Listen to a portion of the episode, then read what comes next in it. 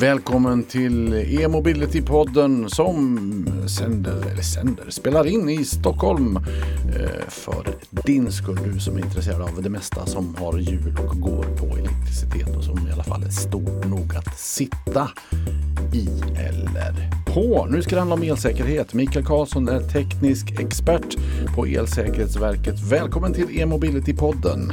Tackar. Du, eh, elbilarna kommer, mer och, mer och fler blir de och då tänker jag så här, alla kanske inte har kunskapen om hur man ska ladda säkert. Är det här någonting som ni är bekymrade över på Elsäkerhetsverket? Eh, I och med den snabba eh, ökningen av antalet elbilar så är det självklart någonting vi tittar på. Eh, man får ju lätt med en vanlig laddsladd när man köper sin elbil eller laddbara bil och är det så att man behöver ha regelbunden laddning så bör man investera i laddbox för att göra det säkert. Man ska inte ladda i det vanliga 230-uttaget hemma? Nej, ett vanligt eh, så kallat uttag för allmänbruk det är ju tänkt för enklare utrustning som lampor och dammsugaren och kaffekokaren där hemma. Eh, de uttagen har ju aldrig varit tänkta för elbilsladdning. Och eh, snart får vi faktiskt fira 100 år med det uttaget så det är inte direkt någon ny teknik. Så den gamla två hålen i väggen är en gammal teknik helt enkelt? Den är riktigt gammal, den har varit med oss väldigt länge. Ja men du, motorvärmaruttaget då? Det är också ett eh, likadant uttag. Eh, oftast så brukar man dimensionera motorvärmaruttaget lite annorlunda. Det kan vara att det är lite rejälare gjort, själva elinstallationen bakom. Men i regel på småvillor så kan det lika gärna vara samma typ av eh, installation som ett vanligt vägguttag. Och det innebär egentligen att eh, du har en säkring, sen har du ett antal uttag. Och sen kopplar du bara från det ena uttaget till det andra nästan som en, som en kedja. Och det du kopplar in i ett uttag det belastar även de övriga uttagen som är på vägen bort mot säkringen. Så det här med liksom skarvsladd och förlängningssladdar det är inte heller så listigt kanske? Nej, det, då lägger man till ytterligare övergångar och dessutom så eh, kan man eh, man kan ställa till det för sig genom att man får den här ladd, laddboxen, kontrollboxen som hänger på sladden. Den kan hamna på, eh, på marken och det är den ju inte gjord för. Och blir den då överkörd eller liknande då kan man ju fundera på vad gör man då? Eh, om den fortfarande fungerar, tejpar man ihop den och fortsätter använda den eller går man iväg och köper en ny? Som är då ganska dyrt. Så eh, Att använda den typen av eh, förlängningskablar och sånt är, är ingen bra idé. Vilka är de vanligaste felen skulle du säga när man laddar sin elbil hemma? Vi tittar på eh, elsäkerhet i bostäder, ett pågående projekt inom Elsäkerhetsverket.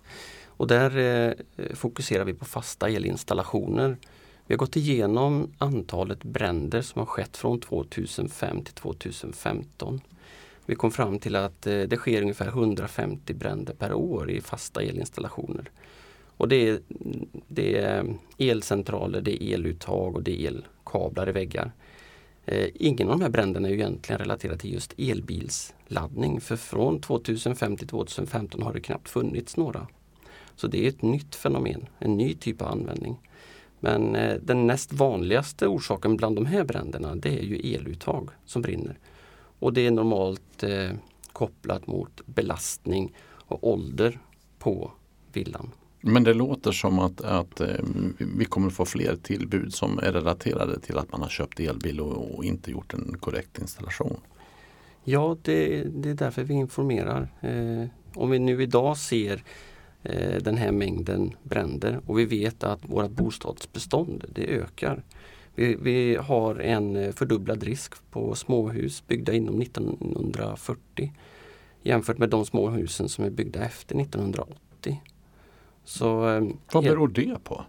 Elinstallationer de åldras men det är ju självklart också en skillnad i installationsteknik och material som man använt vid de här installationerna. Men många gör ju rotrenoveringar, man byter tak, man eh, dränerar om.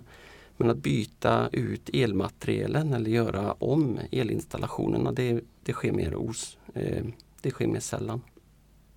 Men, men skulle du säga mm, de incidenter ni ser, är de kopplade till laddboxar eller är det rent handhavande fel som att man lägger eh, mm, någonting på golvet där det inte bör vara? Nej, det är, det är ingenting om laddboxar. Laddboxar ser vi som en, en bra lösning för att eh, öka säkerheten kring elbilsladdning.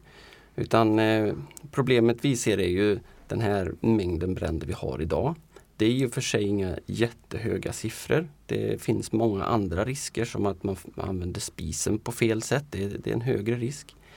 Eh, men det här är ju lätt att skydda sig emot. Och det är så svårt att veta om just mitt uttag är det gjort på ett bra sätt. Eller har jag en kedja av uttag med massvis med, med kopplingspunkter på vägen som kan orsaka varmgång och brand. Eh, gör man då en installation, ja då gör man ju om den här kabeldragningen hela vägen ifrån elcentralen till laddboxen som man sätter på väggen. Och då har man inte de här kopplingspunkterna och då får man den här översynen som man behöver ha för att veta att det här blir säkert. Och dessutom själva uttaget då. Man sitter inte kvar med det hundraåriga gamla uttaget utan man har ett nytt typ av don som är gjort just för elbilsladdning. Men det känns som att det nästan skulle behövas någon form av certifiering då. Alltså om man skaffar elbil att man tar dit någon som, som kollar att allting ser bra ut. Vårat auktorisationssystem som gäller för elektriker täcker in det här. Um, om man ska göra en, en, installation då kollar man upp att eh, företaget är registrerat hos Elsäkerhetsverket. Eh, det är bara elinstallationsföretag som får göra den här typen av eh, installationer. Och då är det uppdelat per verksamhetstyp. Så just eluttag för elbilsladdning de, de, de faller inte under verksamhetstypen bostäder utan det handlar om övriga anläggningar för användning av el. Och då vet man att den här elinstallationsfirman de har koll på de regler och, och de krav som gäller för just den här speciella typen av eh, uttag. Så det gäller att ta dit rätt elektriker helt enkelt? Rätt, ja. Och så ska man dessutom kolla upp eh, referenserna. Kolla med tidigare kunder. Den ja, här. så man vet att man anlitar en, en, bra firma som kan det här. Men du, du sa det att, att eh, hittills i alla fall, gudskelov, inte så många incidenter eller allvarliga olyckor där elbilar har varit eh, inblandade i hemmen, stämmer det? Ja men det stämmer. Eh, vi har tittat eh, igenom statistiken från MSB och eh, det står inte elbil på varannan rad där utan det är snarare en, en sällsynt förteelse. Det är Myndigheten för skydd och beredskap. Exakt. Utan vad vi fokuserar på är den kunskapen vi har nu kring elanläggningar, bränder i elanläggningar, de brister som finns i, i de svenska elanläggningarna där ute. Och den här stora bulken, den här stora mängden med bostäder som byggdes under eh, 60-70-talen, även eh, slutet av 50-talet. Alla de, det är, ju, det är ju majoriteten av, de svenska, av det svenska bostadsbeståndet. Även de åldras. Och när de åldras samtidigt så, så kör vi in att vi ska ha solceller, vi ska ha batterilager och vi ska ha elbilsladdning hemma i våra hem. Och det här ger ju självklart en, en risk och de här riskerna tillsammans driver ju antalet elbränder uppåt. Det är vad vi befarar. Du, eh, om olyckan väl är framme då, eh, vad för ni för dialog med försäkringsbolagen? Har ni någon sån? Vi har eh, eh branschorganisationen Svensk Försäkring med i eh, insynsrådet hos Elsäkerhetsverket så där har vi en bra dialog. Eh, och vi tittar självklart igenom den statistik som försäkringsbranschen har. Eh, sen har vi faktiskt haft eh, lite samarbeten eh, de gånger vi har fått till att fungera, att det, att det passar, att vi har samma budskap. Eh, senast var eh, Länsförsäkringar som gick ut med information om solceller. Eh, och där var vi, var vi med och eh, pratade om de kraven som gäller där, och de risker som man bör ha med sig. Eh, vi har också fått in eh, intressant information från Åland via ett försäkringsbolag. Och det var det just en elbilsladdning som, som gick eh, fel.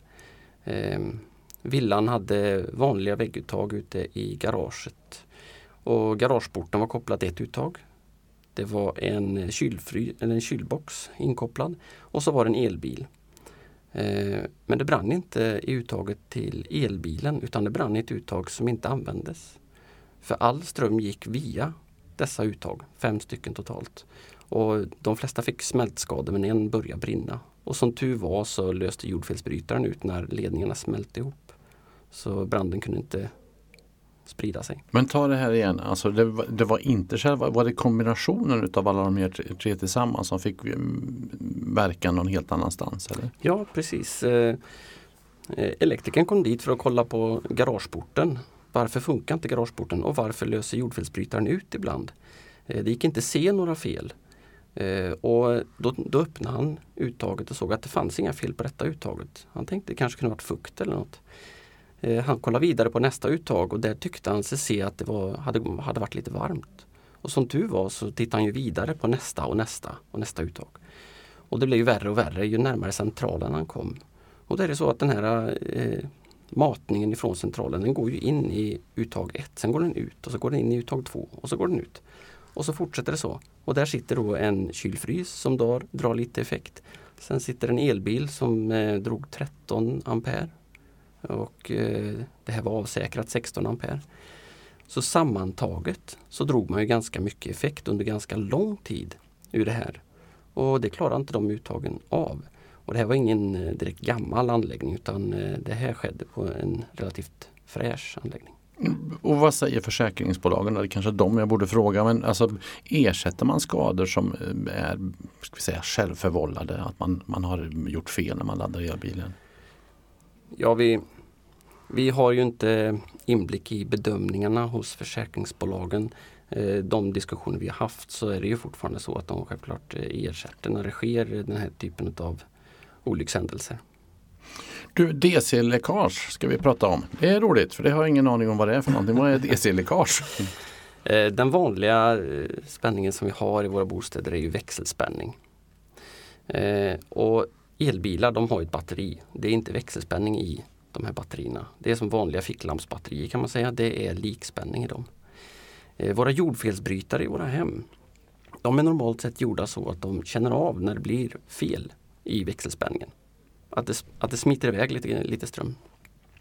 På det sätt som de är byggda så, så blir de blinda om de blir utsatta, utsatta för eh, höga nivåer av likströmmar. Så att eh, skulle man potentiellt ha ett DC-läckage så skulle jordfelsbrytaren hemma kunna bli blind och den dagen du faktiskt behöver ha den här jordfelsbrytarfunktionen så finns den inte där för dig. Men du vet inte om det. Och är det någon slags tillvänjning i det här? Alltså det är någon som kommer in och är magsjuk och förr eller senare blir andra magsjuka och man fattar inte var det kommer ifrån. Var det en dum liknelse? Ja, jag vet inte. Det är åtminstone en, en eh, eh, vad vi kan bedöma en låg risk kring det. Så det är ingenting som vi fokuserar kring. Kravet på laddboxen är väldigt tydligt. Där ska man ha det här DC-skyddet eller att man har en jordfelsbrytare som faktiskt klarar av de felströmmar som skulle kunna uppstå ifrån en elbil. Och laddboxen då, vad ska man tänka på när man installerar en, en sån? För det låter inte som det är någonting jag gör själv. Nej, det får man inte göra själv. Eh, den ska anslutas fast den ska alltså inte anslutas i något industridon eller liknande utan det ska vara en fast installation och den ska utföras av ett elinstallationsföretag. Och det elinstallationsföretaget ska ju ha kunskap kring den här typen av installation för det är eh, speciella regler. Det finns ett eget avsnitt i elinstallationsreglerna som behandlar just den här typen av eh, laddpunkt. Så eh, Söker man efter eh, företaget som man har tänkt att anlita i vårat register som man kan ha, som man hittar på vår hemsida, så kollar man verksamhetstypen och eh, stämmer den då med, med det vi, vi eh, informerar om på våra, i våra broschyrer, övriga anläggningar för användning av el, ja då ska de ju ha den här kunskapen. Men man ska ändå kolla deras referenser och se att de är, väldigt, att de är kunniga. Allt det här du har sagt nu det kan man hitta information om på er hemsida, E-säkerhetsverket. Ja. Strålande. Men du, eh, ser vad jag tog med mig här nu då. Ladda i vanligt vägguttag, inte så bra. Eh, nej. Motorvärmeuttag, inte så bra. Motorvärmeuttag det är en nyansskillnad. Eh, ett motorvärmaruttag kan ju vara på en stolpe ute på en asfalterad parkering. Okay. Säg att det skulle gå fel i den. Då är det väldigt svårt att få en brandspridning på något vis. Och Så visst, då är ju konsekvenserna av felet väldigt små men eh, samtidigt så säger ju tillverkare av laddstol eller av de här motorvärmarstolparna att de inte har gjort om felbilsladdning. Eh, finns det en timer så kan det vara så att timern inte klarar av den här typen av last. Aha. För de är gjorda för rent resistiva laster och det betyder helt enkelt att det, det är värmarelement. Men kör man då andra typer av laster så kan de här switchelementen inuti, eh, eh, inuti switchen, det kan gå sönder. Du, det är mycket att tänka på här du. Ja fast det, det är ganska lätt. Eh, om man nu har behov av att ladda regelbundet hemma då ringer man ett elinstallationsföretag och så kollar man upp vad är det för någonting jag behöver.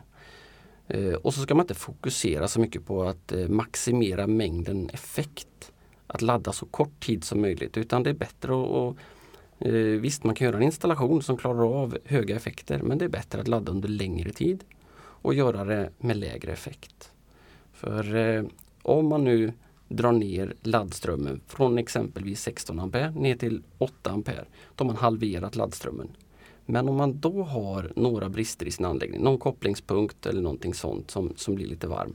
Då har man i den punkten dragit ner effekten fyra gånger. Alltså inte två gånger utan fyra gånger lägre effekt. Och det gör ju en enorm skillnad. Så hälften ampere är fyra gånger lägre. Ja, Ja, det är strålande. Det kommer till och med jag ihåg. Mikael Karlsson, teknisk expert från Elsäkerhetsverket. Tack så hemskt mycket för att du var med i E-mobility-podden. tack.